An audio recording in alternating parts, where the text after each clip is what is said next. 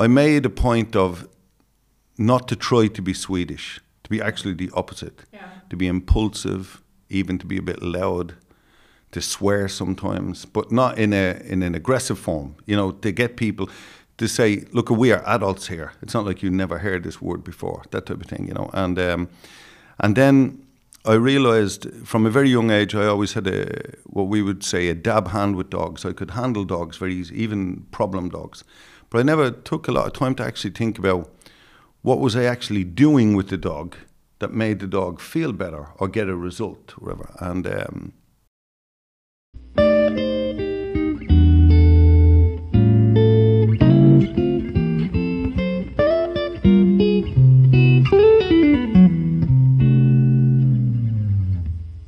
Welcome back to Valpkonsultpodden. Um, today uh, I have Gerard Auchier uh, here, and he. We have a common friend, and she write, wrote to me and said, "Ah, can you take Gerard? He's so interesting, and I would like to hear when you talk about um something with him." And I was like, "Okay, um, yeah, he he is." a, uh, judge, uh, FCI judge. He's been that for 35 years, uh, and he is also a breeder. He's been breeding mostly Rottweilers uh, for a long time. Uh, he said himself for 40, 45 years. Um, yeah, and and I'm like, I think breeding is interesting. It's nothing that I've been doing myself on a big scale, uh, but I've been in, uh, I've been like on shows with my own dogs, uh, and I've always thought that it's kind of strange because it's only about how how the dogs look, and I was like, ah, so strange. Um, but but he also teaches um, dog anatomy, and I was like, what can I talk about with a guy like this? And then I thought, okay, I can talk about extreme breeding. But I was like, maybe he wouldn't think it's a good idea. But he did. He thought it was a good idea, and uh, he said yes. So now I have him here. Uh, welcome. thank you very much. Thank you. Yeah. Uh, and I also asked him, he speaks Swedish as well, but I asked him if we could do this in English. And um my English is um, kind of rusty. It's not. Uh, I think your English is fine. yeah. yeah. Yeah. Uh, so, um, yeah. Anyway, when you speak English with a little bit of an accent, it makes it a little bit more exotic. So Yeah. there you go. Yeah. So we have an exotic vibe going on here. Yeah, exactly. hmm yeah. Uh, and you, you, we talked about it. You, you used to live in Stockholm, but now you moved out. Yeah, I, I I came to Sweden. Uh, it was, if I remember, September '95 actually when I came 1st and with no intention of staying whatsoever. I had this a little bit, um, as we say in Ireland, wing it as it just wing it as it's going, see what happens. And in the beginning, I didn't take anything too serious. I didn't plan to settle down, whatever. And then I come up with this idea that um, I thought there wasn't a strong culture, especially for handlers in Sweden, in the sense that I felt that uh, um, teaching people how to present their dogs, what to think of, how to create a concept that would be uh, not only beneficial to the handlers, but would also give the dogs a lot of respect. Um, because uh, in the past, many handling techniques, especially where they didn't use candy or food of some kind, could be quite brutal actually and quite forceful. And uh, so I started. Um, uh, I had a contact in the Swedish Kennel Club actually, and I started in the garage under the Kennel Club. Mhm. And I remember actually, it was interesting. I I um I put out advertisements. This was before the internet was big, you know, and put out advertisements in the local working dog club and and different uh, organisations that had connections with dogs to to make a, a a little bit of a contact with people. And my Swedish friends, many of them says it will never work. It will never work. We never do this, you know. And uh, so anyway, after several weeks, I had my my opening night. Din, everything was going to be ready, and I had uh, everything set up, and I was super excited. And one person came, And Yeah. uh, I actually still remember his name. It was a guy called Mark Emlund. And uh, I remember he was the only one there, you know. And I was a bit disappointed, but I thought, okay. And uh, my Swedish friends were saying, I told you it wouldn't work. And uh, so I gave him like a, a free lesson for the hour or whatever. And I remember distinctly saying to myself, I'm not going to charge him. And I said to him, if you're happy with the lesson, if you're happy for the concept, I said, just come back again and bring a friend. Yeah. And then a week later, he came back alone again. Yeah. I gave him another free lesson, and then uh, it wasn't really a great start, you know. And then, uh, then the third week, he came back with some people, and a couple of more people came. And within two months, I had so many people, I couldn't cope with the numbers. Yeah. And because um, I, I come up with the idea that I made a point of not to try to be Swedish, to be Yeah. actually the opposite, Yeah. to be impulsive, even to be a bit loud, to swear sometimes, but not in a in an aggressive form. You know, to get people to say, "Look, we are adults here. It's not like you never heard this word before." That type of thing, you know. And um, and then I realized from a very young age, I always had a what we would say a dab hand with dogs. I could handle dogs very easy, even problem dogs.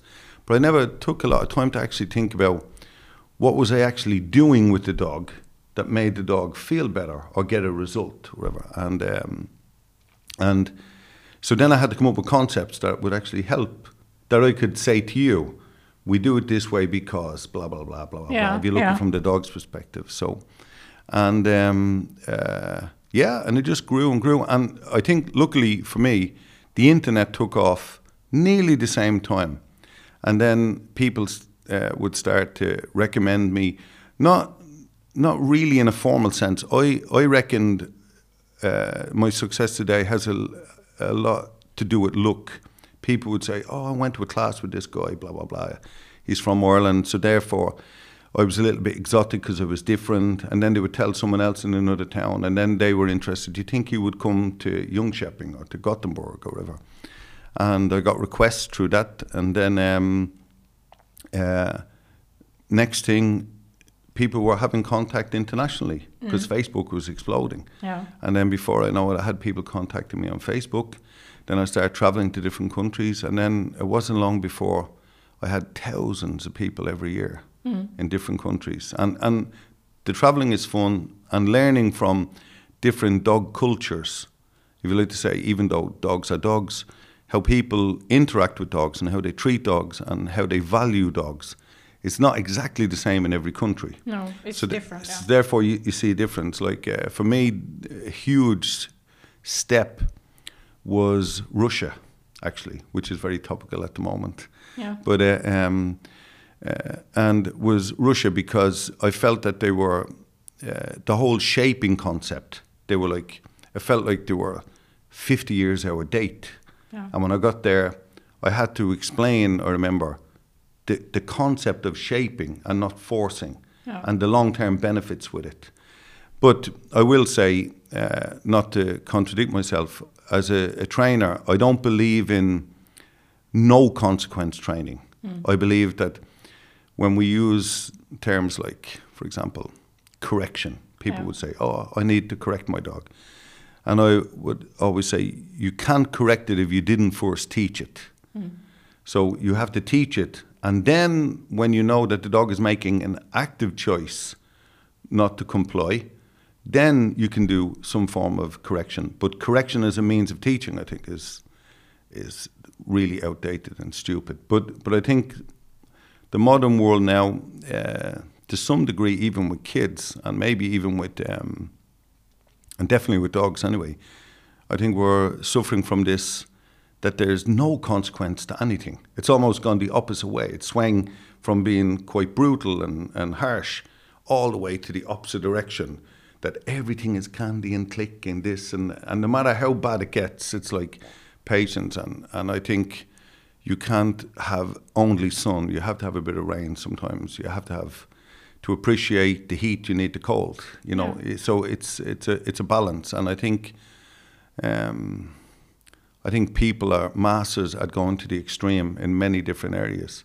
I mean, from Obama to Trump, how is it possible a whole nation can swing? And And probably when they and when they went from Trump, who did they go to? Biden. Yeah. I mean, it's like swinging in opposite directions. It, it, we don't. We struggle with the concept of the Swedish word lagom, which is like in the middle somewhere, or just enough, or not too little, or not too much. You know. So, and I think into our subject that we spoke a little bit about on the phone about breeding. I think it manifests itself also in breeding Yeah. that uh, people struggle to understand what enough is or what is optimal rather than extreme. Mm. You know, that was one of the reasons why I actually stopped being a veterinarian because I, I kind of, when I started, I came to Sweden in 2010 and then all these brachycephalic dogs, they were quite popular, but they were not so popular as today. Um, they were like, every now and then you saw a, a mops or a French bulldog, but it was not like every other dog was a French bulldog. And I was like, okay, maybe people will understand that this is not healthy. And maybe they will start, when they realize that they will stop buying these dogs or do something with the way the dogs look. But the, the more I worked, the longer I was working, the more of these dogs I've seen. It was like every other dog became a dog without a nose. And then I was like, okay, so people are not really getting it. And you know, it was also I don't I think it's a little bit less now, but also in marketing, all different companies they use these dogs because they are cute, so they just put pictures of them everywhere. So people Yeah. start thinking then this is a normal dog because it's like accepted. It's generally Mm. accepted that dogs can look like that. Do you, uh, your audience that will listen to this, do they understand the term brachycephalic?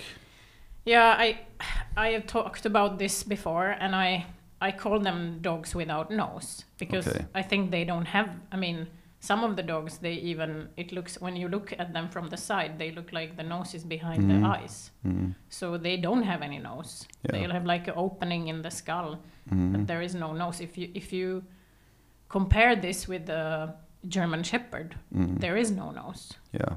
So yeah, I call them dogs without nose, but brachycephalic, that's like the whole group. And, Yeah. and I've talked about this before. It's it's the bulldogs, it's the mops, it's the f- you you name it. I mean, it's Mhm. the Affenpinscher. There is many of these dogs that don't have a nose.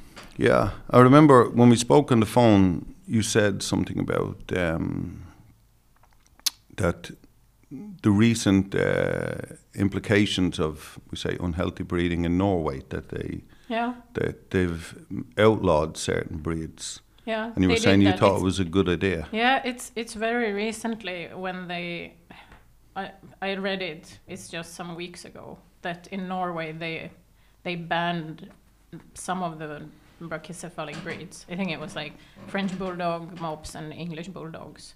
And and I'm I was like I'm quite open to it because actually I'm a very liberal person. I'm Mhm. like I'm actually so liberal that I think even drugs should be allowed Mm. uh, because I think everybody should have the choice to to do what they want Mm. and then like take their own consequence of their actions.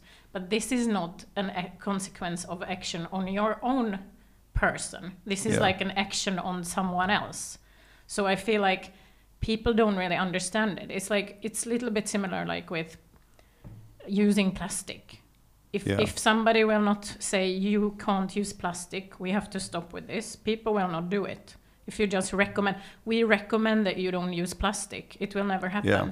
And then I, I start to feel a need that maybe you just have to say, sorry, it can't look like this. Maybe you don't have to stop the breed, but maybe you should like give a, a specific look. This is how it can look, and this is how it cannot look. Okay. Well, I, um, from if you like to say a moral perspective, I can understand that. Of course, um, all breeding has responsibility. You have a responsibility to it, and I think what Norway did is the wrong direction because I think if you ban something, you will just it will just be replaced with something else that's extreme. I think the way to go is education, but I also believe that The problem is, I was thinking a little bit about what you said that in your job you started to see it started to affect you, and Yeah, that you had more and more dogs coming that were sick. And I was thinking that maybe your point of view is a little bit narrow because of your job. Yeah, it could be And- because I, I had this idea that Yeah. all dogs are sick. Yeah, exactly. So it would be a little bit like just say if we, if I was talking to a doctor and he said, "Shit, the human race is falling apart Yeah, because everybody I meet sick." is sick," Yeah. then you go, "No, well maybe we're living longer than ever." So I think you have to, looking at it strictly from a vet's perspective, Yeah. I can understand that you could be overwhelmed because the only reason people would go there is because they're sick. But I can say, from a trainer's perspective, and like I stated earlier, I've had like thousands of dogs every year internationally. And these certain breeds of a more extreme nature, especially the, the pocket sized breeds, like smaller breeds, have become more popular. But I have noticed that if you go to international shows and you go to and you see what would be considered to be the top specimens in these breeds, whether you like the form or not, these top specimens, that the vast majority of them, I would see them as having a good life in the sense that they seem to be active, they seem to be able to run around, people go for walks. One of the things I will say about Scandinavia is that I think Scandinavian people in general look after their dogs extremely well compared Yeah. to many countries. Yeah, yeah. And they exercise their dogs, and because we have a- a- an astonishing amount of people that live in apartments, people are out moving in the dogs. They're not just putting them out in the garden, and that's the only place they see. They're out moving the dogs. And I have come across numerous customers that they they want to show the dogs, but they also do agility with the dogs. Now, they don't have aspirations as to compete with a border collie, but the dog still finds it fun. Um, and I think uh, if you can, I have a few basic rules which sound a little bit crude now, but basically, if a dog can mate, if it can have a normal pregnancy, and in without uh, a genetic defect, actually be capable of having pups itself. I mean, all breeds can have um, can need a C-section for various reasons, but I'm not talking about genetical reason. That can be bad luck. Can eat normal, can breed to the point that the dog can actually take a decent walk, run in the forest, have fun like any other dog, and so forth. So I think the idea that uh, taking away these breeds, because I think what will happen is people who are involved in dogs or involved in animals in general will pick another extreme, but maybe in another direction, in another direction, not necessarily the length of the nose and so forth.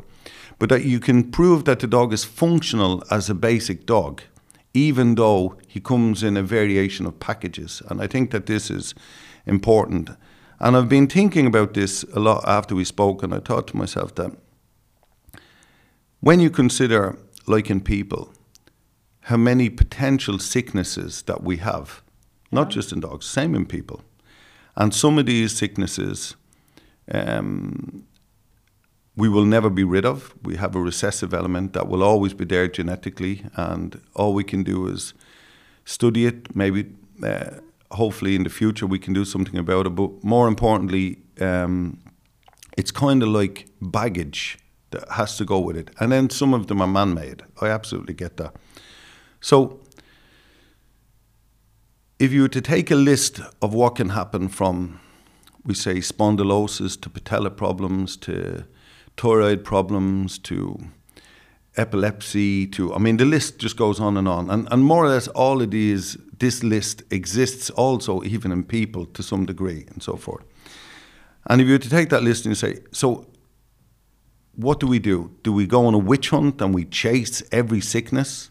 I don't think it's profitable and I don't think people will do it. But I think something that um, organizations like the Kennel Club, who already have a strong interaction with the breeders, uh, the Kennel Club also have, um, uh, you could almost say, uh, like the governing body over pedigree dogs Yeah. at least in Scandinavia. There will be a section of breeders that breed outside of the kennel club, but of course, then we can recommend that people don't go to unreliable breeders.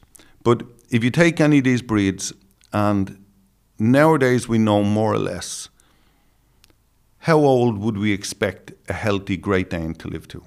How old should we expect a healthy um, French Bulldog to live to, or Rottweiler, or Poodle, or whatever the case?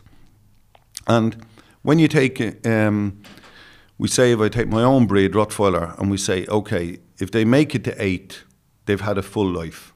If they live longer, it's a bonus. Before eight, the probability was that they perhaps died of cancer, and we know that up to 50% of cancers are genetically based.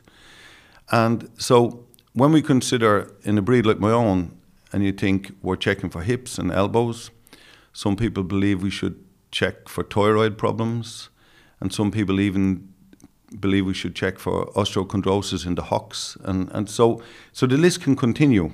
But if, with the help of the kennel club and the breed clubs, if we were to come up with a concept, and I, I actually think that this is a good concept, and as a vet, you could tell me um, uh, what you think, is that we could give out um, an e longevity certificate, and basically a certificate that says this dog, for example, if we take my breed, for example, Rottweiler, eight years of age, e longevity certificate bronze, we could call it.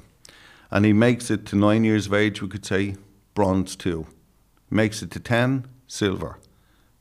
11, silver two.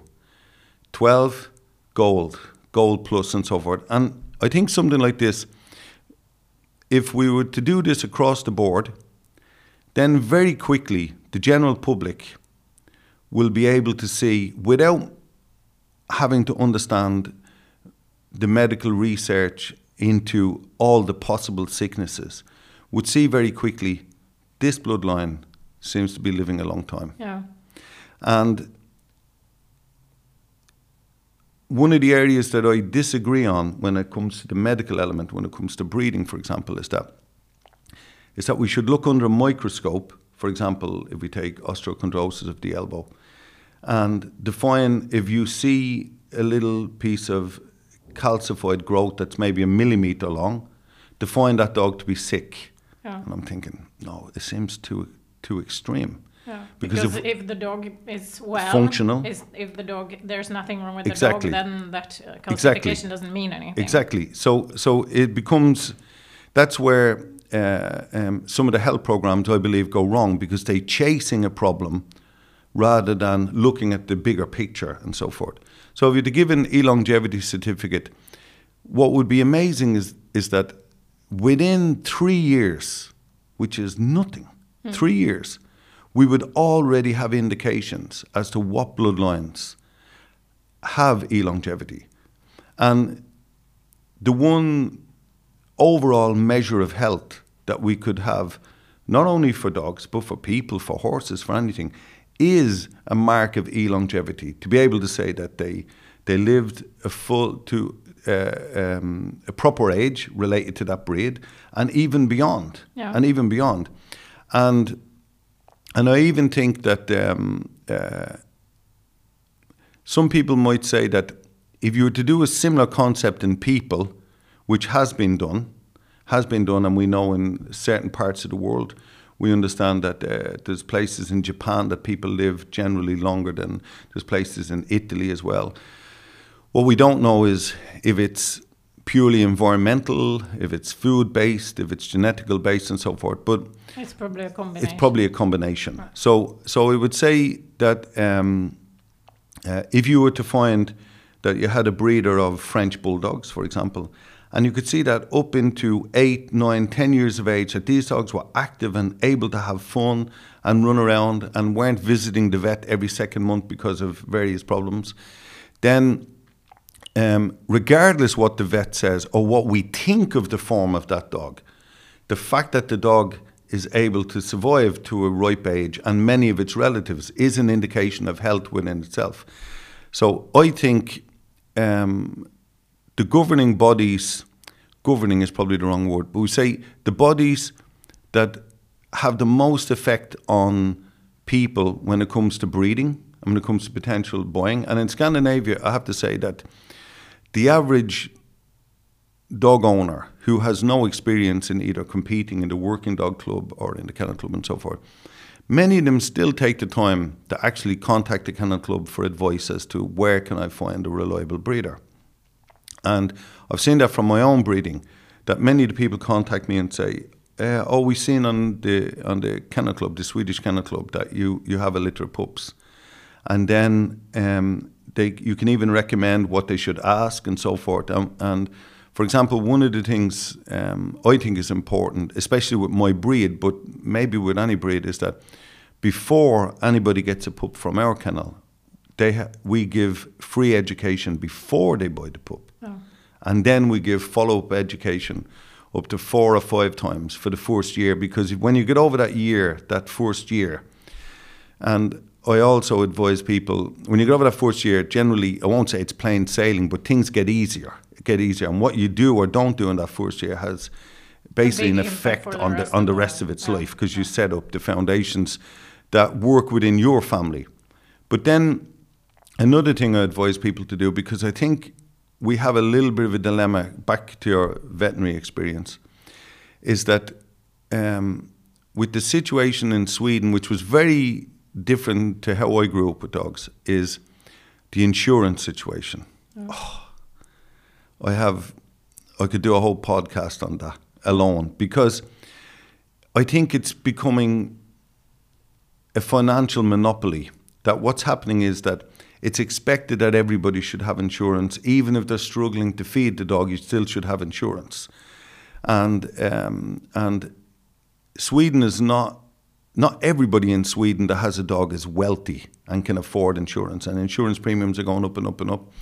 And then when we look at the veterinary practice now, it's becoming monopolized between two giant companies. Yeah. They're taking over everything.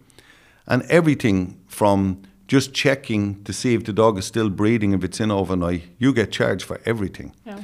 And it, and I think the thinking is almost, well, it's okay, you don't pay for it. Yeah. Your insurance pays for it. Yeah. But we do pay for it. Yeah. It's just we pay for it indirectly. Yeah. So I think that there's, I think this subject of uh, breeding extreme dogs and the consequence of that, I think can be can be has to be looked at from multiple directions, not only in one direction. Yeah. And uh, I 100% believe that the governing bodies, or the bodies that have the most influence anyway, kennel club, breed clubs, and so forth, should be responsible for education, but shouldn't go down the road of witch hunting specific details. It would be financially more beneficial for everybody and easier for the average Svensson family to understand e-longevity is e-longevity. We can see that the grandmother to this puppy we're going to buy, she was 12. Her daughter was 11. Her daughter, after that, was 12 as well. And now her daughter, that's four, is going to have pups. And they bred to a line that had something similar. That would state more to me as, if you like to say, a would be buyer of a family dog, especially, than um, understanding the repercussions of brachycephalic or osteochondrosis or potential epilepsy or whatever the case, because it, it gives an overall statement as to where the breeding program is rather than a microscopic statement into the elbow or whatever the case. I don't know what you think from a vet's perspective. What do you think of that idea? It sounds good. I mean, it's true also there is uh, quite. I think it's quite high genetic. Like if you if you will be hundred, probably your father and father's father was also hundred. Yeah. Uh, if you didn't die in a car crash. Yeah, yeah, But yeah. but it's uh, the longev longev elongevity. It's a difficult word. Yeah Elongevity, yeah. yeah. it's it is uh, like it's quite common that that your parents and parents parents were living long long. Yeah. life Or at least for their time, because Yeah. that has changed, obviously, with lifestyle, with food, with medical intervention, and so forth, you know. And I think what I think is, I can't think of another way that you could create a blanket statement of health. And, but even more important is that because I think this is this is where it gets a little bit difficult when we think pedigree dogs. If you think about the dedicated breeders, and I've been involved in breeding for a long time, is that breeders and kennel clubs and breed clubs are trying to preserve what we say a breed was originally developed for. Whether it was for, um, uh, we say, a tranquil pastime like a pet, like a Pekingese in royal gardens and so forth, or whether it was a hunting dog that went out and hunted. Now, because many of the tasks we originally had for dogs, um, because of changed society, we have lost those tasks. We don't need the dog in the same way. He still plays a valuable role, but not quite in the same way. For example, dogs that were bred for pig hunting or wild boar, we don't need it in the same way today uh, as, as it would have been at one time. But I do believe, like in the preservation of anything in our culture, whether it be architecture, whether it be art, whether it be even fashion, even fashion, that the preservation of this and recognizing where it came from and the evolution of it and how it developed, I think should also be sustained in dogs. But, like with anything, we have to put guidelines on it. Yeah, It- because have you seen the pugs 100 years ago? Yeah, Or 150 I- years I ago? they didn't that. look like this. No, they didn't. They looked totally different. No, they, they, they did look different. Absolutely. I, I agree that. And so, do you say that? I mean, for those listening to us that may be breeders will understand a little bit what, more what I'm going to say. Now, when we use the word type, we often use the word type when we say that's typical, that's not typical, that's. And when we use this word type, what it really refers to is breed typical characteristics. Mm. Now, those characteristics are not only physical, they're also mental and also even from an athletic form as well. So when we when we use this word type, we look, we look at dogs. Then we have to understand that in developing type, does it mean we stay the same, or can we maintain the type but improve it?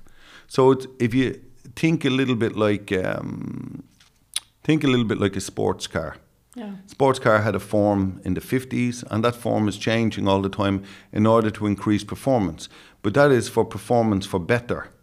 Sometimes what happens in the breeds that perhaps don't have um, an active job anymore, other than um, in some cases a family pet, or I dread to say, I know that there are people that use dogs as almost like a, a fashion accessory and so forth. That there has to be um, uh, a limit to how much you should push that type because if you push that type to be too extreme, it is no longer typical. No. It becomes the opposite. No. But so where do we draw those boundaries? Because our your perspective of what is attractive or beautiful or pleasing to you and my perspective will never be exactly the same. Whether it's art or fashion or anything, anything like that, that's uh, um, purely objectional. And so, uh, so where do we draw the line? And that's where I think instead of having, which is very easy, I think, for Scandinavian society, let's place loads of rules. But people will just find an avenue through those rules if they can. Or they will step outside the governing body and do um, uh, unregistered breeding, or whatever the case. Yeah, but or that's what happens. I yeah, mean, it, I, it does happen, and it's and or they will import. Now we have free trade in Europe. Yeah. They'll go to a country that has less regulations and import Yeah. what is on demand. So I think we have to. Uh, that's where I think educating the public, and I really believe this e-longevity program is the way to go, and and advise people don't buy simply on how the dog looks. You have to a little bit look on and but look on your lifestyle, what you want, and maybe encourage people to ask if this certain form, type of dog is attractive to you, you think it could be suitable for you, then you have to ask yourself why. What is it? What is the reason you want this dog for? What do you want this? Is it purely aesthetic? 100%. And if it's aesthetic, do you realize that with this form may come this problem or that problem, or you may have to adjust your lifestyle to this? For example, it doesn't only have to be the brachycephalic. We have extreme forms in, in, uh, in all types, in anatomy, in size, yeah. uh, whether it's dwarfed Or or very or big. very big. And uh, so, if you see a beautiful photograph of a Great Dane, it doesn't mean if you live in a one bedroom apartment in Stockholm, it's the ideal dog for you. It could work if you're active and outside and so forth. Absolutely, anything can work. But I think to get people to think less emotionally and more, a little bit more pragmatically. But I think making rules like what Norway did is the wrong way to go. Hmm. I, I really believe it's the wrong way to go. I think maybe putting a little bit more pressure, and I would like to say, to, I hope that somebody in the kennel club or breed clubs will get a chance to listen to this. One of the things I will say is that if we don't take some element of responsibility, and responsibility then becomes governed at governmental level, Yeah. or Oh, even you mean worse. like with the drugs? I Well, yeah, like or with we- anything, or, or even forbidden. worse, European level. Yeah. We say if a rule came in on a European level that we are no longer allowed to blah blah blah, whatever, breed this or breed that, and suddenly it's it's out of our control. So, I think it's smarter if we want to preserve the breeds that we take the responsibility and show that we are pushing for the welfare of maintaining the breed, but also governing in some respects the limitation as to how exaggerated they should be if you take from a health perspective and so forth. Like, for example, there are many breeds. It, I think it's easy, unfortunately, for us to see the. Um, because of the way we live today, is to be. Attr- I think it's easy for us to be attracted by the exaggeration. Yeah. Look at what people are doing to their bodies today Yeah. From lips to I mean I'm sure if you see an 18 year old girl that has lips that look like a duck I'm Yeah. sorry Yeah. she doesn't think It's there's ugly. anything wrong she No. thinks she's probably thinking after a few weeks shit maybe I should go one step more Yeah. or whether it's breasts or or whatever anything cosmetic in that form because I think we just become used to it or uh, and it becomes normal and now because we're interacting so much on a visual basis through social media that um, if you look at something like a breed standard that we have for all dogs we have a descriptive breed standard laid down by the FCI and this describes what is ideal or what we should be aiming for in each breed and I won't say that these breed standards are always exactly correct. Of course, they should be revised and updated from time to time. Or That's what I mean. Why can't we like take like like this mops, Mm-hmm. the, the pug situation? Yeah, Why don't they take the mops how they looked before, before 150 years ago, and then like rewrite the standard? And like, okay, they they have to they have to look as this because then that was healthier. yeah. I'm sure it was healthier. One, one of the one of the things that is difficult, uh, if you respect the organisation of the FCI, the FCI is like the the biggest international corporation for dogs, it governs over very many countries.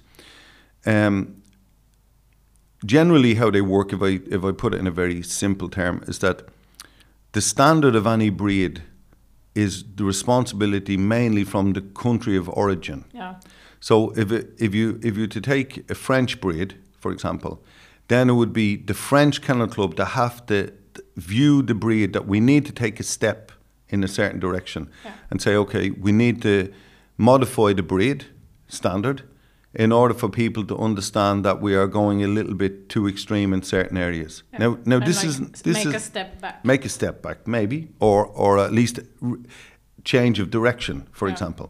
And um, and I'm familiar with this because this happened in my breed only two years ago, and and uh, and I believe that in my breed there was never an indication of this exaggeration that started to occur in the breed, especially with the brachycephalic form. There wasn't an indication of that at all. So where did it come from? the dogs are getting quite big, or Yeah, I mean, well- I remember well- when I was little and when I saw Rottweilers, they were not the males Well, were not this big. Well, the standard is always. That, I mean, I have um, I have three males at present. If I take and and the standard is always asked for that the males be fifty kilos, and that the um, females be forty kilos on average. I have one male that's over fifty kilos, and the other two males I have are a fraction under fifty kilos. So they're in that ballpark, you could say. But I don't think that they have gotten bigger, but I think the form have created an exaggerated look in some areas, but not so much in Scandinavia, I have to say. And uh, what has happened in in in um, many of the Balkan countries, uh, even um, even some of the Mediterranean countries. In my breed, the exaggeration started to come exactly what you said with the shorter nose. nose and so forth. It's like the boxers. Yeah, They it- have it- also become much. They have much less nose than when I was and little. they started to get exaggeration. I agree, but um, but what the, the the country of origin did, the the German Rottweiler Club, they didn't change the standard, but they rewrote it to make it easier for lay people to understand, so that there would be no misinterpretation, if you understand. Yeah. So sometimes what can happen with the um, with the breed standards is that sometimes they're written in a form that's a little bit difficult to understand. It's almost like it, it's it's describing something that's very open in the interpretation, and the problem is that people will interpret it in different ways. So how has this? I believe how this has happened so quickly, for example, is with the rise of social media. Hmm. If you take any breed, or even if it was a flower, I have a friend in Australia that is a very famous flower breeder. It doesn't matter what the form comes in.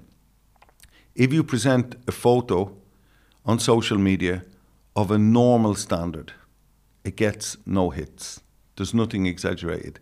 Few people will say cute, blah blah blah, and so forth. Men, men, Swedish. But if if you do the opposite, if you take something a little bit more exaggerated, like the American bully. or, or whatever. If well, it- not even that. I'm talking about within any breed. Not even necessarily. It doesn't have to be exaggerated in the sense that it has to be only brachycephalic. It could be exaggerated in the lightness of bone, in the elegance of form, mm. whatever. Because the exaggerations are in different dir- directions, or can be possibly. But what happens is that social media starts to promote a certain image and just takes a little step in exaggeration. Mm-hmm. Then a year later, for people to get attention on this platform, they You need to to just go a little bit more. more. Mm-hmm. And then came the next step, I believe, because I started to see dogs on social media, and I and I would honestly think, my God, that is over the top. That is way too much.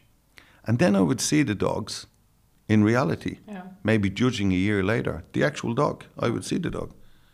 I think it couldn't be the same dog. And then I started to realize that a lot of the dogs were being photoshopped Uh-huh. to create the exaggeration. No. So when you create the exaggeration through Photoshop, what you're really doing is you're brainwashing the person who's receiving Yeah. the information. Yeah. And because those more photoshopped, exaggerated dogs got more hits, more bravos, more likes, more everything else, it started to come into the normal. Yeah. And then before you know it, You when it got normal, in you go a little bit more Yeah.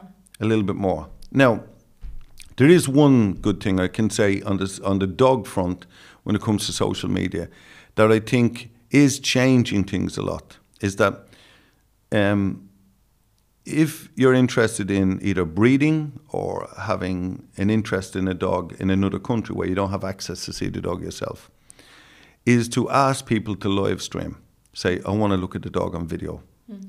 Go on WhatsApp, put me on live stream. Now show me the dog.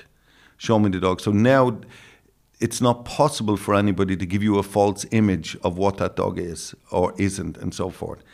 And the video concept seems to be taking over the photograph content when it comes to social media. So therefore, we have a little bit more of reality. Now, I'm not saying that the reality in some people's minds is always correct, but at least if we combine all of these factors, all of these factors together, being able to teach people how to look at social media with a little bit more clinical judgment and not only emotional. Uh, the e-longevity certificates that I said, creating education not only for the elitist people in the clubs like show people or obedience people or working people, whatever the for clubs, everybody. but for everybody, and especially maybe the people that I think need more education are the, the Mr. and Mrs. Svensson who's thinking about buying a dog for the first time now the dog the children are a little bit older or whatever the case they need some basic principles to go by Yeah. And uh, but it, but if it's too complicated they'll never read them No, people don't read anymore no. When it's, I mean, Instagram has made that people only watch pictures. Exactly. So- Pictures and then one sentence. Yeah, So, so- it can't so-. Exactly. So the thing is, it's there's many contributing factors, but I believe that it is possible, even in the extreme breeds, it is possible to breed typical dogs of good sound quality within that model of dog that can still function more or less like a normal dog, at least as a family dog. Now, I'm not comparing this to a working collie in the mount, up in the mountains of Scotland herding sheep. No, that's an athlete of another level compared to most breeds. I'm not comparing to that, but I'm talking about that the dog has a comfortable life, not having to worry about either breeding or excessive skin problems is is sometimes I think is one of the worst things dogs can have when they have skin problems. But that the dog can have a healthy life and be fulfilled. But even more important is the education is to teach people to have a healthy relationship in how they view dogs. And this is I think the key. I think making hard and fast rules where the breed is punished for it. We just push them out the door as though they no longer exist. I don't think is the way to go. I definitely don't agree with that. I think preserve and develop with the right direction is what we should do with all breeds. And um, I mean, I've had, like I said, I have Rottweilers, I've had Whippet, Poodle, Chihuahua, Pekingese, and I've been very fortunate, very, very fortunate that very few of the dogs I've had have ever been sick to the point where they have a lifelong sickness Yeah. or that I would have to put them asleep earlier. And at the moment now, my small breed that accompanies my Rottweilers is the Danish Swedish farm dog, which um, is a small to medium gård- Dansk svensk gårdshund, yeah. And uh, and I have them uh, with the Rottweilers now, and it works perfectly. And but I, when I had Chihuahuas, they worked. I have a friend in Stockholm, not so far from here actually. She has Rottweiler and Chihuahua as well, and um, I have many Rottweiler friends that have French bulldogs, and their French bulldogs go for the same walks As the Rottweiler. the Rottweiler, the same walks. So it is possible to have both, but there will always be, um, as in hospitals for people, as in veterinary clinics, there will always be a percentage that is sick. But uh, um, I don't think we can judge the whole breed based on who comes to hospital. I think we have to judge it on a broader perspective. Yeah. Yeah, and I know- understand your perspective. I But get that. You know, I think also that the the brachycephalic dogs. Mhm. I think one reason why they get more popular is because the our lifestyle changes. When like 50 years ago, most of us or a, a lot of us Yeah. were not sitting uh, at home or sitting in, in the office and working all of the all of the day in the office Mm. and and the dogs we had needed to be functional Uh-huh. and when they don't need to be functional then they even i mean you have higher tolerance to that the dog doesn't need to go because many french bulldogs can't go out during the summer. They just can't because it's too hot. And they they have breathing problems when they are outside. They can't breathe. So people are actually happy because then you don't have to go out with the dog. So you i mean it fits very well to the lifestyle of being in the in the town. Okay, if, if that is true, what you're saying, if that is true, then what is the answer?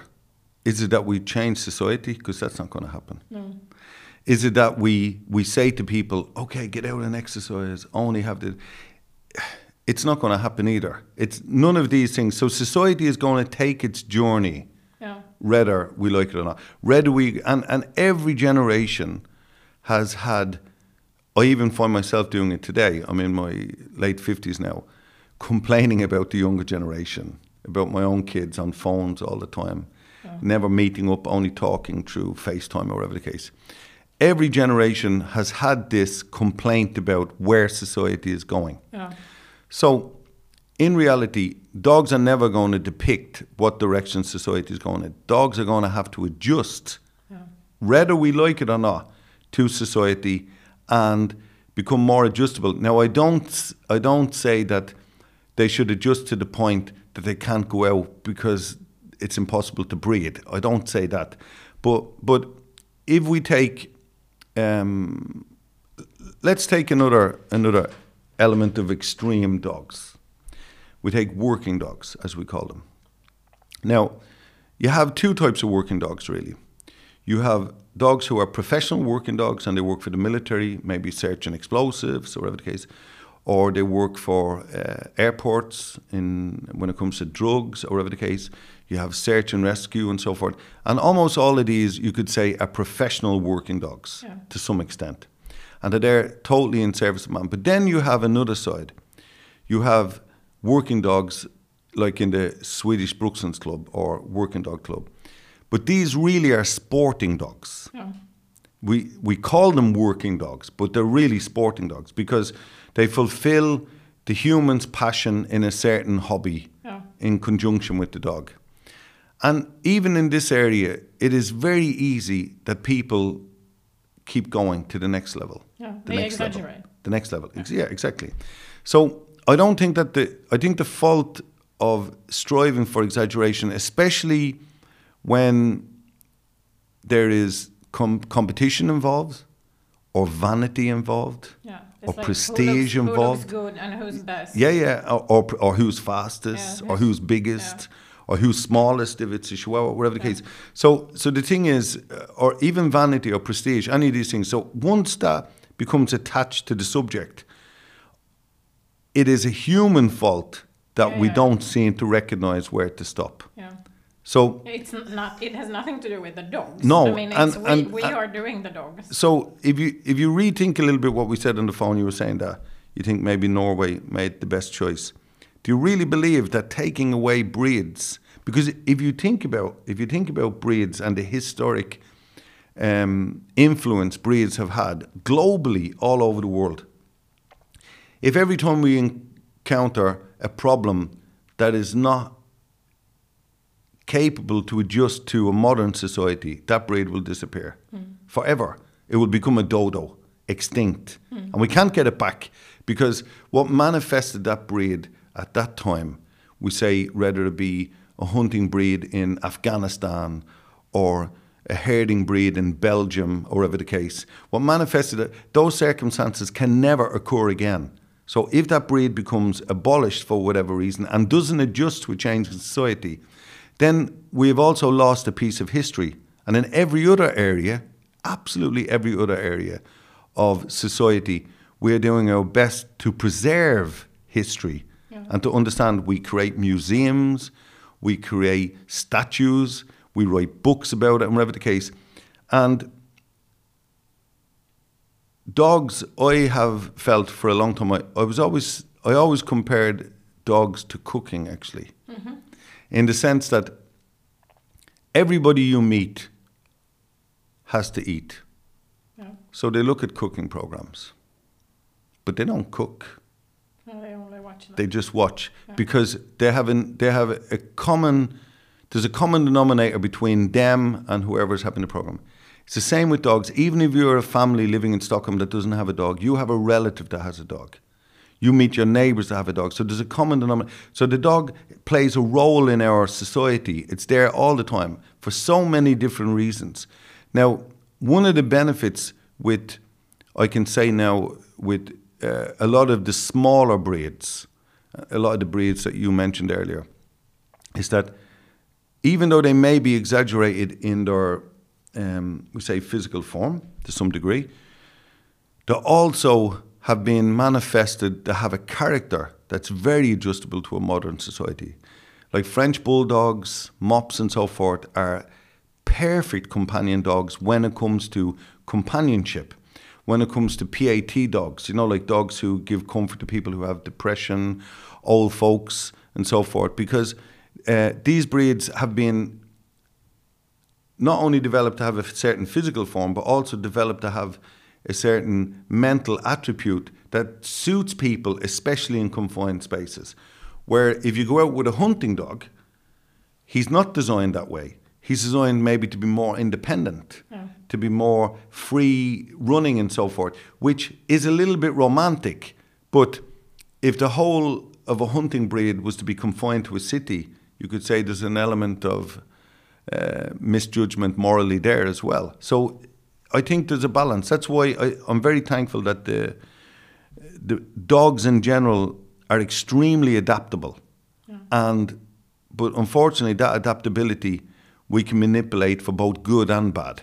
And it also, I mean, breeding uh, goes very quickly. So if everybody understood that it's very sick not to have a nose, Yeah. and then just change that, you can do this in just few generations. Mm, if absolutely. everybody like decided, okay, this is sick, let's change it. Let's make, let's, they can have a nose, and then just change it. I mean, the the the quality, the, the psychic quality of the French bulldog wouldn't change if it would have a nose. No, no, no. So it would be like, okay, it's a cute dog, but it has a little bit of a nose, as Yeah. they had 150 years ago. Mm, So it's, I still kind of, yeah, I still kind of don't really understand because what I read once is that we people think they are cute because when they don't have a nose, they look much more like us. So when when when you buy the puppy and it doesn't have a nose, it looks a little bit like a baby. So so then that's why we think they are cute. Metromorphism. Yeah. So so if You, you know the word metromorphism, where we humanize. Yeah. Yeah, yeah. So, so we we people think they are cute because they look like babies, and then oh, ba- babies are cute, hmm but they kind of don't understand that dogs are not made to have no nose. They But- have to have nose. So, yeah, I understand. Of course, I, I get it. With, like with over angulation on some dogs, Yeah. they look they can barely walk. Yeah, like I've seen that before. Shepherd. And you see, uh, of course, you see dogs with uh, compressed palates that have problems with breathing and so forth. Yes, I've seen all that. I think the FCI have made steps in this direction to correct it, at least uh, from the judge's perspective. I think they can do more. But I think there is, I think it has to be approached in more than one direction. You see, I, I think to prevent something from developing for good or for bad, when it's popular for good or for bad, has never worked if you engage in rules. Hmm. Has never worked. Because people will always find it. So we say, for example, if you say Norway, they have banned certain breeds in Norway. Well, the people who really want those breeds will just go to Poland and just drive home with it. Yeah. And the thing is, then what you do is, then the Norwegian government have actually banned something and created an import market Yeah. which they have no control over whatsoever. Yeah. For example, I say Poland just as any European country, it could be Serbia, it could be Croatia, it could be whatever. So I think it's it's a classic political solution. It's a short-term process. Ban it. No, no, no. If the problem is, that it would take a lot more time, money, and effort Engagement. engagement would take more time, money, and effort. And I really, truly believe in this um, uh, elongevity concept that every breed we know, I mean, we have enough information now um, to understand what the life expectancy of each breed is. We know that the larger breeds in general live have a shorter life, and uh, but that's the same with people. It's exactly the same with people. Gravity has an effect, and, and so forth. The smaller breeds generally um, uh, live longer, and uh, it's the same for um, all the reproductive elements. I mean, one one of the areas I think is very good with the Swedish Kennel Club that, like in many countries, they just allow AI from the get go. You can just artificial inseminate whatever you want, and if we continue like that, the basic concept of any animal or species to be able to reproduce will eventually disappear. And I think with the mutation that is capable in dogs, because I remember when I was younger reading about why is the dog so popular in human society because it, it as we call it our our best friend or whatever the case but really I don't know best friend is the word I would use but it is the animal we've been able to manipulate the most and engage with the most and bring into our society for in in most cases as a service and then as a companion and now in more modern times um, uh, family member you could call it. And the reason is because of the dog's enormous capacity to mutate compared to other animals so even if you look at our second closest companion the cat cats don't have the variation No. that dogs have. I often, um, and I think what happens is that if you take a breed like, um, let's take, for example, a Labrador, very one of the most popular breeds in the world in Sweden, and if you take, um, especially if you take, for example, uh, standard Labrador, most of them compared to the average dog would be considered overweight, but not to the Labrador people. Yeah. So what happens is that you become trapped in your own bubble, Yeah. and you become. And if you said to a Labrador person, "I think your dog is four kilos overweight or fat," I would say fat. I would say fat. Okay, if, if you said your your dog is fat, they would say, "No, no, no that's is how they normal. should look." This is how they should look." Yeah. Yeah. yeah, Now, I don't blame the Labrador people for this, and no one person can be blamed for this. What happens is we have a uh, there's a psychology term called um, the boiled frog syndrome, and basically, it refers to that. If I understand this correctly, forgive me if I don't remember exactly the um, right terminology. But if you if you put frogs into boiling water when cooking them, they jump out immediately. In other words, they get away from the problem Mm-hmm. really quickly. But if you put them into cool water and then you heat up the water slowly, they don't even notice the change until it's too late. The boiled frog syndrome is a concept that many therapists use explaining people's extreme situations. It could be a weight problem. I mean, if you woke up in the morning and suddenly you were 50 kilos overweight overnight, you'd do something about it. On the spot, you'd like, shit, I have to do something about it. There's something wrong. But if it accumulates over 10 or 15 years, then you mentally adjust to it. Even if you don't like it, you kind of adapt to it. So it's like a, a boiled frog syndrome. Relationships are the same. You meet the man of your dreams, he's exciting, he's sexy, he's rock and roll, you do everything fun. And then slowly the abuse or the dominance starts to come, bit by bit by bit. But if he showed those sides of his character, the day after you met him, you drop him because the water's too hot. Yeah. You jump out. And I think when we look in in dogs, what often happens is um, if you take a breed that has any exaggeration, if if that is your breed and you live with them every day, and maybe you have more than one, or maybe you've had three or four generations, or as a breeder you have five or six of them. It could be mops, it could be Labrador, it could be Italian Greyhounds, it could be Azawakhs, any any of the, these breeds that have um, an, an exaggeration in within their own form. That will become normal to you. That will become your boiled frog. Yeah. And when when this starts to exaggerate over generations, just a little bit more, a little bit more, a little bit, we don't see it because the water is only slowly getting hotter and hotter and hotter. And so I think some one of the things I try to explain on my uh, anatomy seminars actually is I talk very much about um, the original village dog. I often say African village dog. Oh. I say so. actually, they looked like this. Like they had their own little specificities, but but the the dog in the villages, they were kind of okay in this this part of the world. They look like this. Yes. you- can still see it if people import, or I see it if Yeah. people import uh, dogs from Thailand. Yeah. I see it on the dog. Yeah, If, if it's like a uh, mixed breed from Thailand, Yeah. I, I, I d- immediately see, aha, this is a dog from Thailand. Aha, Yeah. this is an African dog. yeah. Yeah. And but uh, what I refer to with the African village dog concept is that. So, what is the average domestic original village dog?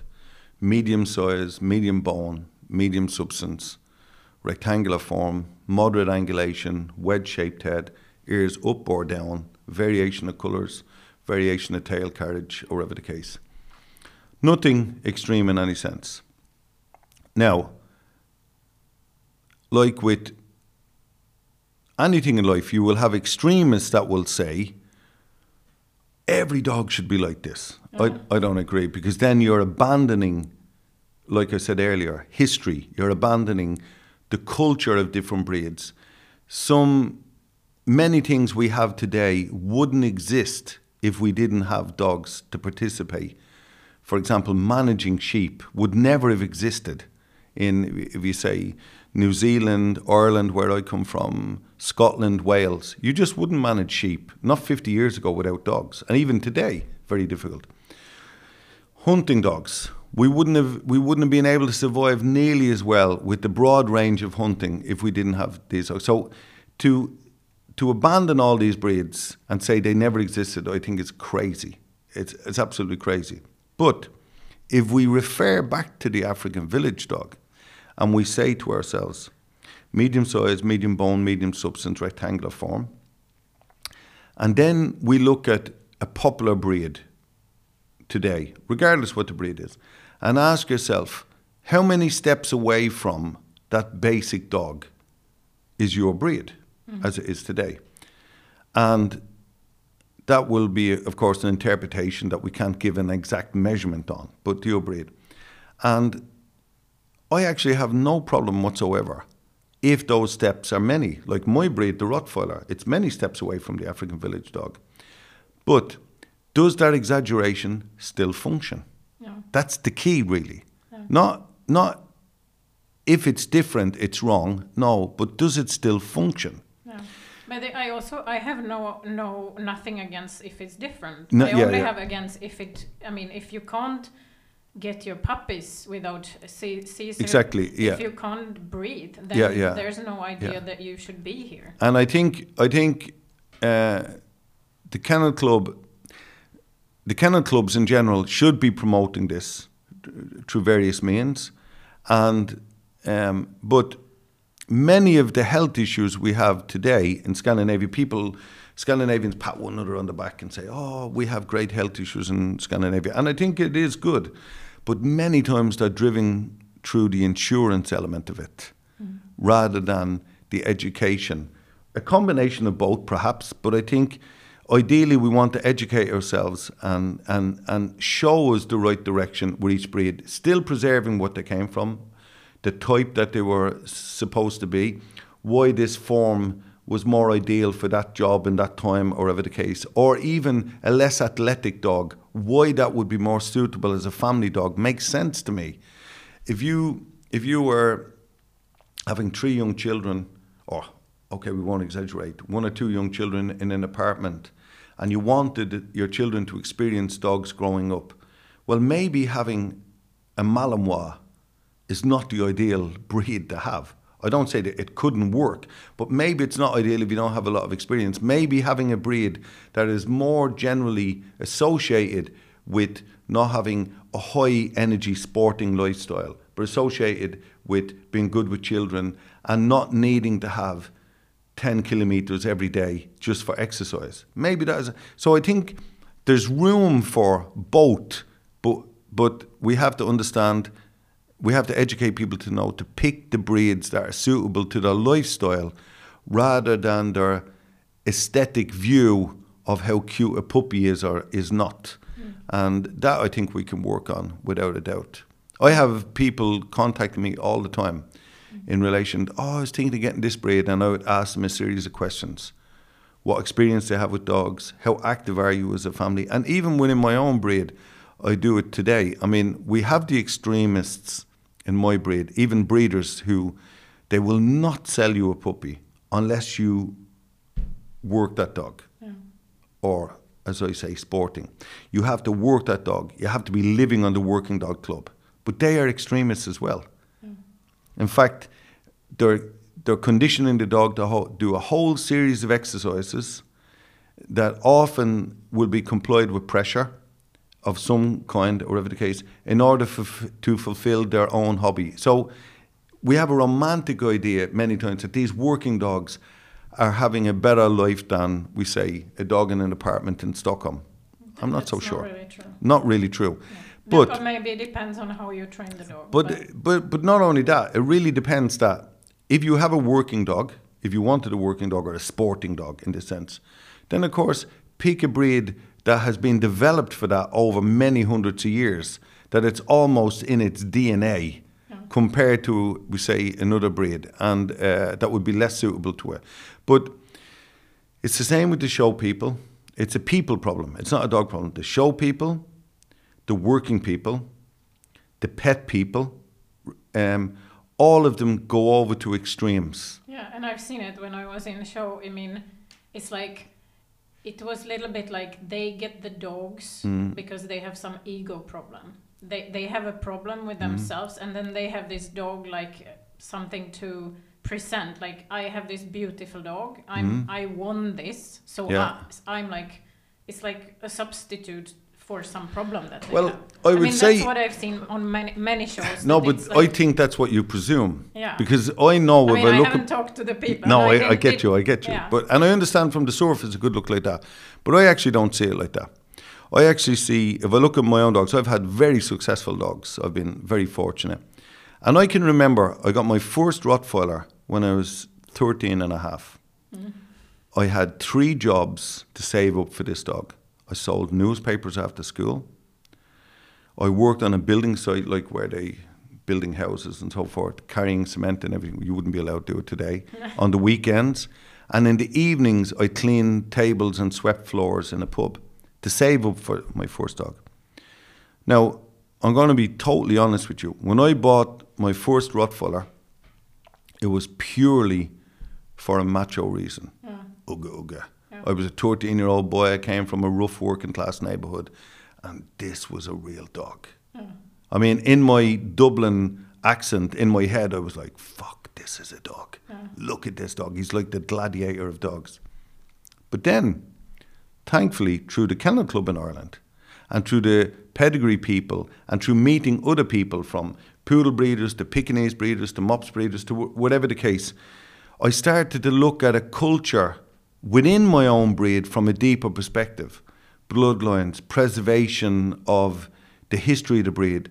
I remember feeling really proud that the breed we could associate this mastiff type dog for the last 2,000 years. And then suddenly it had a history. Hmm. It had a history. It had, it actually developed in Europe at the same time humans developed in Europe. And I thought that was fascinating. But at 13, I couldn't see that.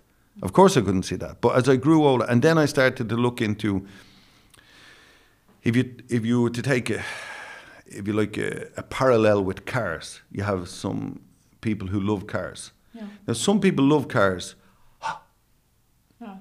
polishing, Pol- polishing. that they just wanted to look the part and they go around cruising in their cars. And then you have other people who love cars equally as much, but they are taking the engine apart every weekend and they're cleaning all the parts and putting it together and they're trying to fine tune it and increase the performance and so forth.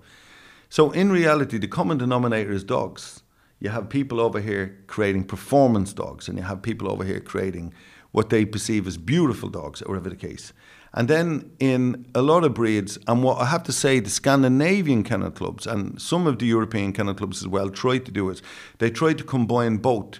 They try to say, okay, for example, you cannot in my breed you cannot become a work a show champion unless you have working merits. Yeah. So then you're taking both packages and putting them together. And then it is encouraged through many of the organizations to fulfill the health criteria. And then we have mental criteria and so forth. So kennel clubs are doing great work, but everything can be improved. Yeah. Everything can be improved. I mean, when I came to Sweden first, I remember thinking that everything was so well organized. Where was it you said you were from again? Czech. Czech, okay. You must have noticed the difference. infrastructure is organized, everything is social so well welfare, everything is so well organized. But So I think it's boring. yeah, but the problem is it's well organized. But does that mean it cannot be improved? No. It's always In fact, actually, if we look at, I, I don't, I can't go into detail like I could with dogs, but if you look at even the social welfare system today, are struggling today because they got stuck in time. They got stuck in the in the 80s and maybe early 90s. But society has moved on and things have changed because of the importa- importation, sorry, the influx of immigrants and so forth. And uh, society has had to adjust itself. But so what do we do? Stay stuck in time? We have to we have to keep changing. We have to develop, and it's the same with dogs. If social media is having an effect on how the general public actually view dogs and how they value dogs, whether it's aesthetically or mentally or health wise and so forth, then I think the organisations that have the biggest influx into um, dogs and dog breeding in general, maybe they have to adjust a little bit as well, even if they were ideal compared to many other organisations, we say in the past.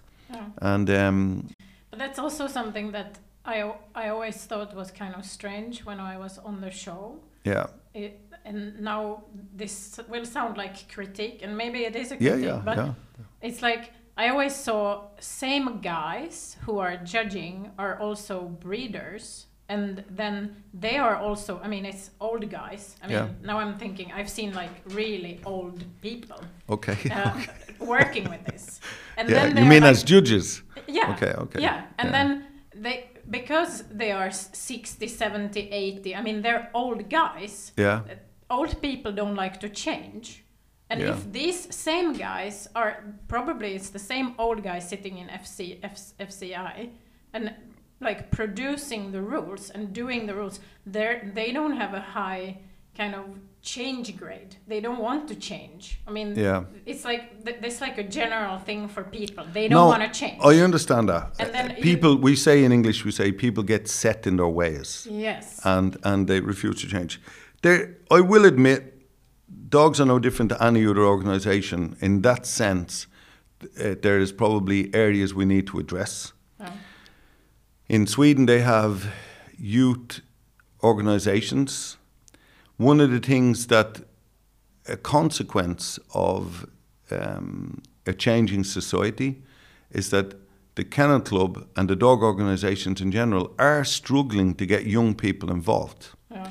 Nobody Because- wants to be involved in anything. Yeah, because well, yeah. So you see, it's it's easy to look at it as a dog problem, but I promise you, I could point at anything and find a similar correlation. So, uh, but um, getting young people involved, but then we have an, another issue that I think is probably more difficult to actually fix is that in dogs we have a hierarchy concept. So you have hierarchy, and I would, where I am today, be higher up on that hierarchy pedestal, if you understand. And because there's very seldom money involved in it, not a lot of money. It's it's not something you go into as a business, like eventually to become a CEO or something like that. It's not that type of thing. But what is involved is prestige, notoriety. like the, the, the more you bred, the more Well, the more successful, have, yeah, and the, so the forth, more you yeah. understand the breeding and how you and how long, and then you have a degree of politics, as we say in Ireland.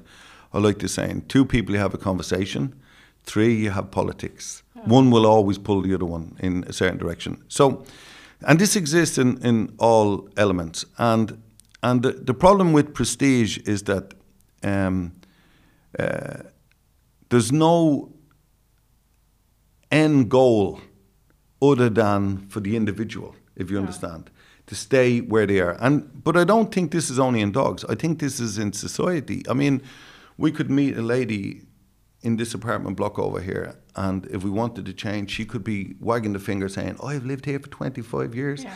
and I- suddenly this is how we did this it is how it is. and This we're we always did it this way, Yeah. and so this again, we're coming back to addressing a problem that is really a human problem, and how to address it is very difficult because it is the same problem in different packages. It comes in different packages, but trying to get young people involved is um, I'm all for it. uh, get as many young people and fresh minds. And um, in in England and Ireland, where I come from, in some ways, I think it's almost worse, in the sense that um, we have people that are on committees, like we say, like a bull mastiff committee or whatever the case, but they've been on the committee for 25 years, Exactly. and I'm like, so when did you come up with an original idea? Yeah, exactly. And and it's not that there's anything wrong with those people, but they are in their own bubble or they are victims of their own boiled frog, Yeah. whether they recognize it or not. And so I think uh, progressive organizations, no matter, um, even though you have people who will be have more experience, which you need, of course, and in um, a position, often they are in the position of authority, but they need to be open-minded enough to incorporate younger, fresher minds.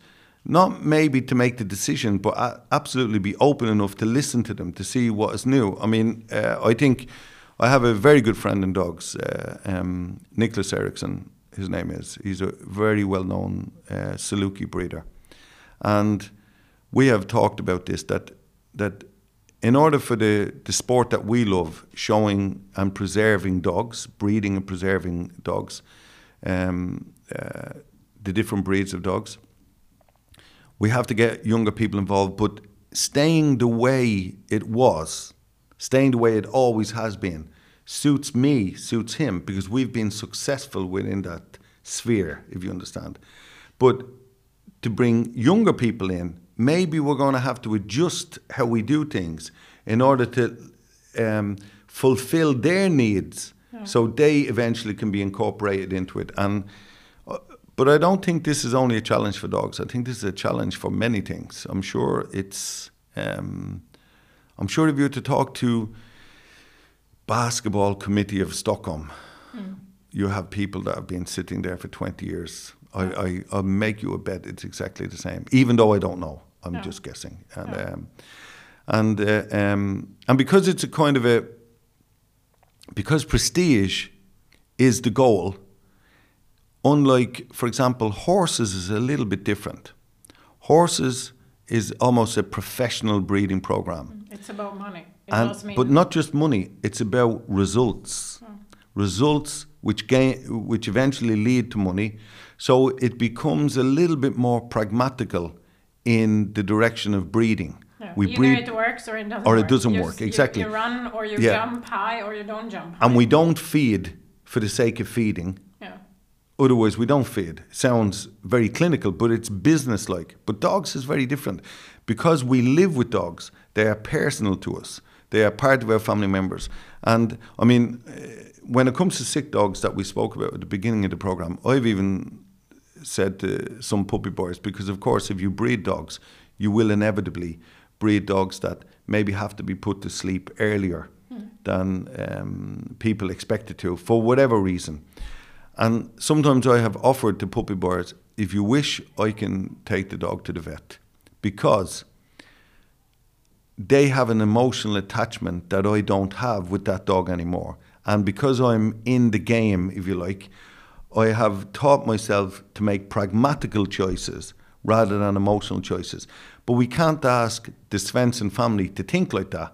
So therefore, we need to get them to make pragmatical choices before they buy the dog, hmm. before they're emotionally attached. Because there are dogs, I agree totally, that have sicknesses, that have long-term sicknesses all their life. A good example would be skin problems, for example, skin problems. And that is an ongoing uh, cost, stress for both the dog and the owner. Um, people have to even adjust their lifestyle to some degree in order Because have for to take care of you to take dog. care of this. Oh. Now, a breeder may say, or somebody who is more pragmatic may say, okay, take this dog away. And then the problem is gone when it comes to the individual. Yeah, if you But- don't breed on, on that pair again, because Exactly, I mean, if exactly. you still breed on the same pair, you don't have to take that dog away because Yeah, you're yeah. still going to produce the same Exactly, dogs. exactly. So, so the so the problem is, the Kennel Club work hard on discouraging these things, but then but I still say education is the way to go rather than more and more rules because because not only will people find way around rules, I think in many organizations in the world, but especially in Scandinavia, we almost have gridlock when it comes to rules. You even said yourself, it's boring. There's no It's boring. creativity. It's like Yeah. rules. There's rules for everything. It's, it's so much rules that it uh, hinders you from it hinders be- being development crea- being and being creative, yeah, and yeah. development. Exactly. But the problem then is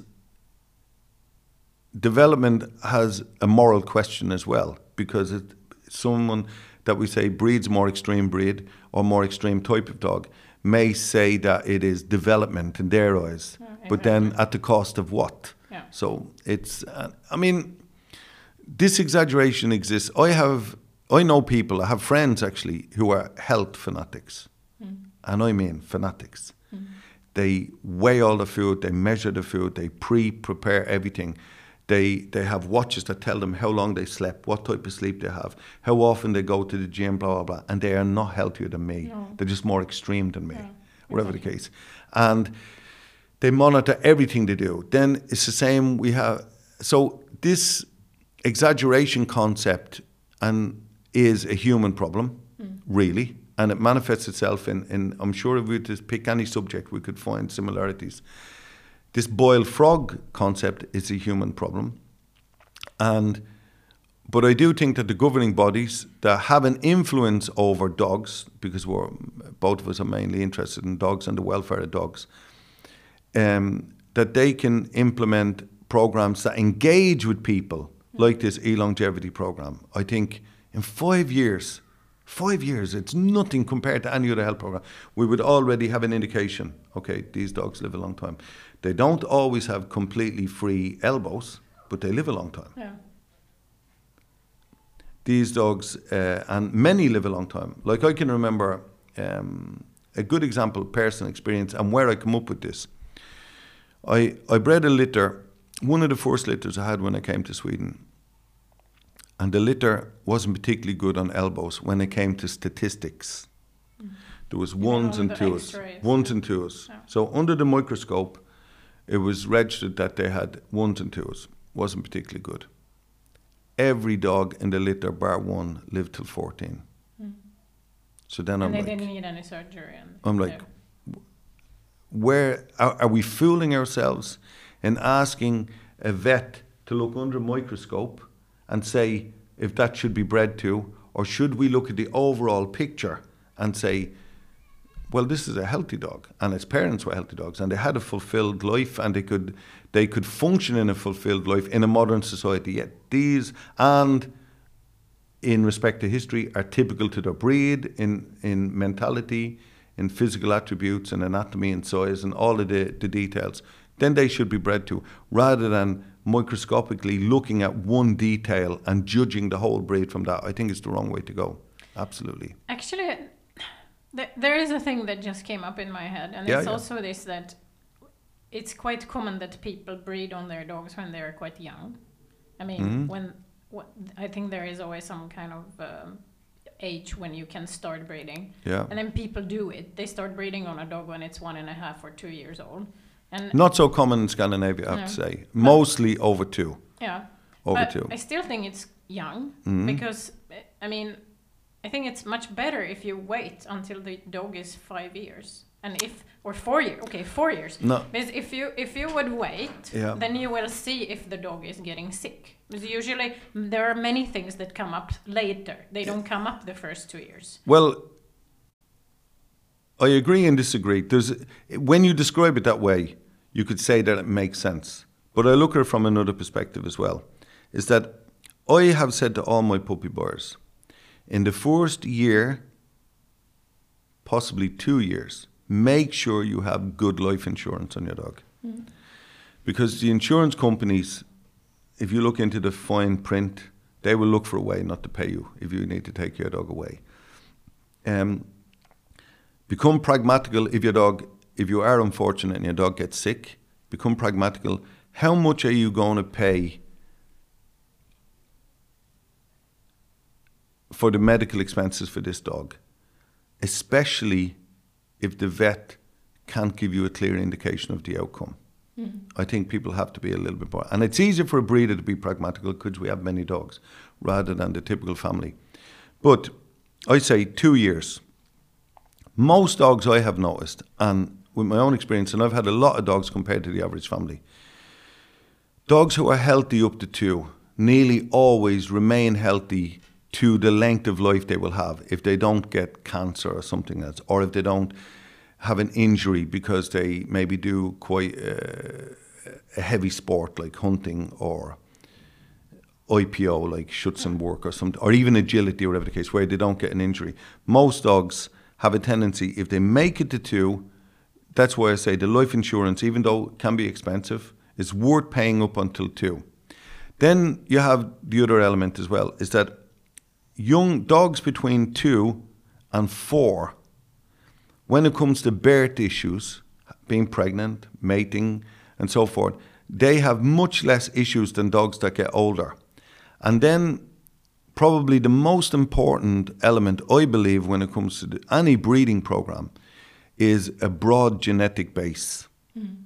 Now, if you say to a breeder, take your female of five years of age and drive to the south of Italy to get that best dog that you believe is for this dog, drive to the south of Italy and do that. Even me, as a breeder, would be thinking, a five year old that I don't even know can have pups. Mm-hmm. I'm not so sure. Oh. But the probability of you getting a fulfilled litter, not only for the bloodlines themselves, but also for the expenses, you would have to say to yourself, okay, I have a higher probability of having a healthy litter with a healthy mother, healthy pups, if I take a female between two and four, rather than a female getting closer to five or six. So I think the problem is when you give an exact let me put it this way when you when you put an ideal measurement on anything that's when even your point of view i could see as extreme what what you said now so therefore i think recommendations and absolutely the dog needs to be mature enough and healthy enough and so forth but if there is as there are with some health issues like cataracts and so forth that you have to repeat repeat uh, the health issue every year. For example, maybe you start off checking for cataracts, and then a year later or two years. I don't have a breed that suffers from this, so I don't know exactly the, the time limit. You maybe have to repeat those, and sometimes they can manifest themselves later on that you find out. But and then you would have to readdress your breeding program if you were to find out something later when the dog is four or 5 But it's very easy that we turn it into a witch hunt. And from personal experience, I can I can say this: I had a litter a number of years ago, and one of the dogs, and we are talking nearly twenty years ago, one of the dogs in the litter started to uh, have some medical problems with sight,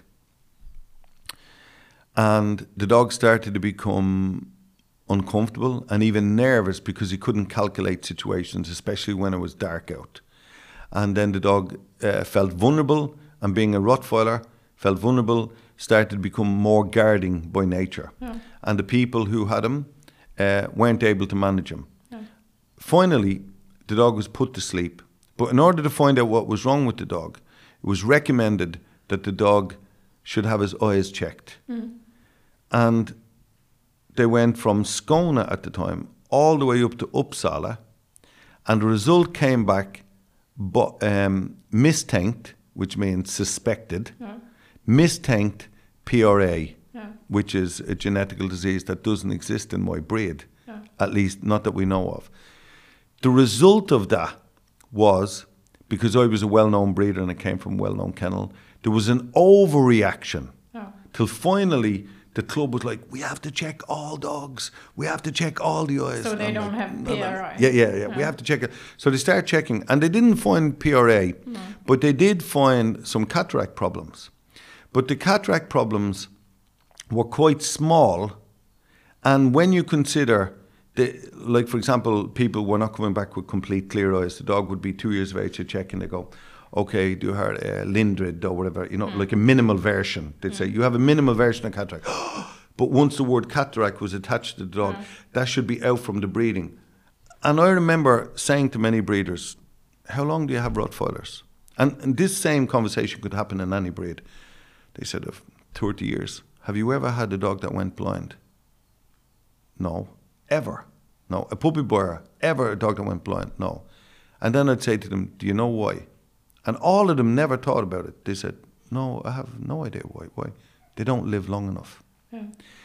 If it was a breed that the average age was It's 15 or 16, then or, or- yeah, like some small poodles, Yeah. then it's a relevant point. You say, okay, we don't want that they can see well till they're eight, and, And then, then from eight onwards they're blind. blind and they're Yeah. going to live till 18. Of course, you should address it. But if you have a breed where the average lifespan is 8 to 10 and they're not going to develop problems until they get there, be- they will be dead before the eyes deteriorate that much. That's And witch hunting. not a problem. It's witch hunting. Yeah. It's witch hunting. And it's only looking at statistics and figures and the fact that there's a word on a document from a vet who only has one job oh. Yeah. It's To not the breeding. sick- to find the to find this signal for this specific problem, whether it's a millimeter in the elbow or whether it's a, a tendency towards a cataract or whatever that may be. That's why the e-longevity program will give an overall picture as to the welfare of that breed or even more importantly, that breeding program. Yeah. I'm pushing this e-longevity Yeah. thing a lot because Yeah. I believe in it. I can't think of another way. If you, as a vet, can come up with another way that we could give an overall uh, judgment as to whether not only breeds are healthier, but even more important, specific bloodlines have the potential of having a healthy life. Yeah, but I think this is a great idea. The Mm-hmm. the only kind of problem what I can see in it is that this would only apply to to pedigree dogs. I mean, you can't really force people. You know, I checked today. I I checked on the SKK. Uh, Yeah. How how many? I, I checked for French bulldogs registrations between 2013 and 2021 and the number of the registered dogs is not different. It was around thousand Okay. dogs uh, Mm. registered every year. And I called them and I said, but this is not true. It's m- much more French bulldogs on the streets now than Yeah. it was then. And then I checked on the Jordbruksverket, and only between 2017 there was 8,700 dogs registered. I mean, French dul- bulldogs registered 2017 Mhm. and 2021 it was 14,200 so it's like almost almost French bulldogs. yeah it's almost the double Yeah. and but on SKK it's the same because Okay. all the imported dogs they don't get registered Well, well, a percentage don't. If you take legitimate breeders, people who are trying to preserve then- the breed or do good, they will they, register. they register and they will take in healthy. Then it's education and education to the public, like Yeah. this podcast, hopefully, yeah. that the public will listen to. That if I was to advise, regardless of your choice of breed, take a reliable registered breed because one of the things that's very good with the Swedish Kennel Club and most kennel clubs, especially the Nordic kennel clubs, is that they do enforce that the breeders take some form of accountability. Yeah. But as soon as you take a backyard breeder, as they're called, Yeah. or, or puppy mill, you buy it on or- Blocket or you buy it on Blocket, and there's no registration, there's no um, uh, official registration body, there's no accountability.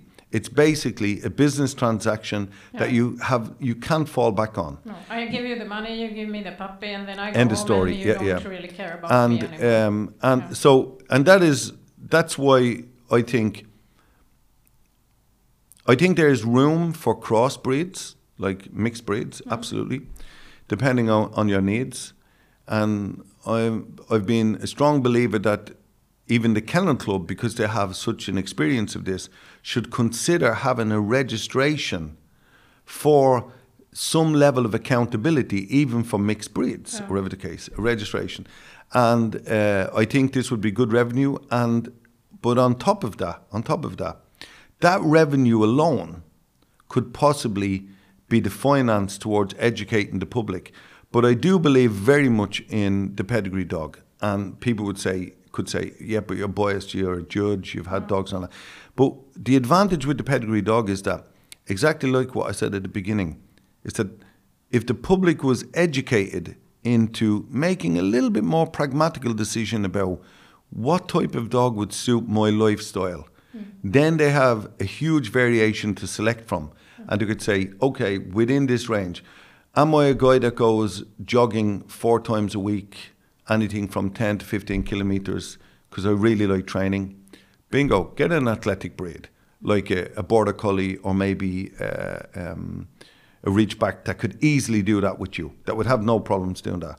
But to, to take a bulldog would be catastrophic if you were to try to take. So therefore, if you have a more leisurely lifestyle and you like the look of the bulldog, make sure it comes from healthy parents and healthy grandparents and healthy great grandparents. And there's only one way to do that, rather than chasing and doing a witch hunt on specific needs in those breeds, is the e-longevity. Hmm. And we could already be issuing certificates this year if we implemented it this year. So that by next year we could implement the next generation and the next generation and the next generation. As you said, the downside or the positive side with dogs is that change happens very quickly.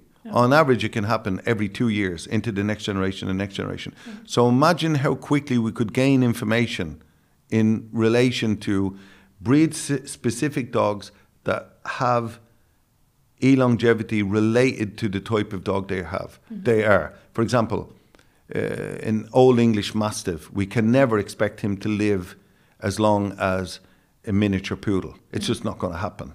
It's and, and this is not a dog issue. This is with uh, in many species when we get larger, they take longer to mature. Uh, they they hold a peak for a shorter period of time and then they drop off quite quickly. And um, do you have any more specific questions? No, it's I- been a good conversation. Yeah, actually. it's been really fun. Yeah, yeah. It's been really fun. And Yeah. and we've been talking for a long time. I have no idea. Yeah. I lose track. And I, I think actually that we it, it's really cool. I, I would really like to talk other topics um, another day. Yeah, yeah, Because yeah, this yeah. it's been really fun. okay. Yeah. Really fun.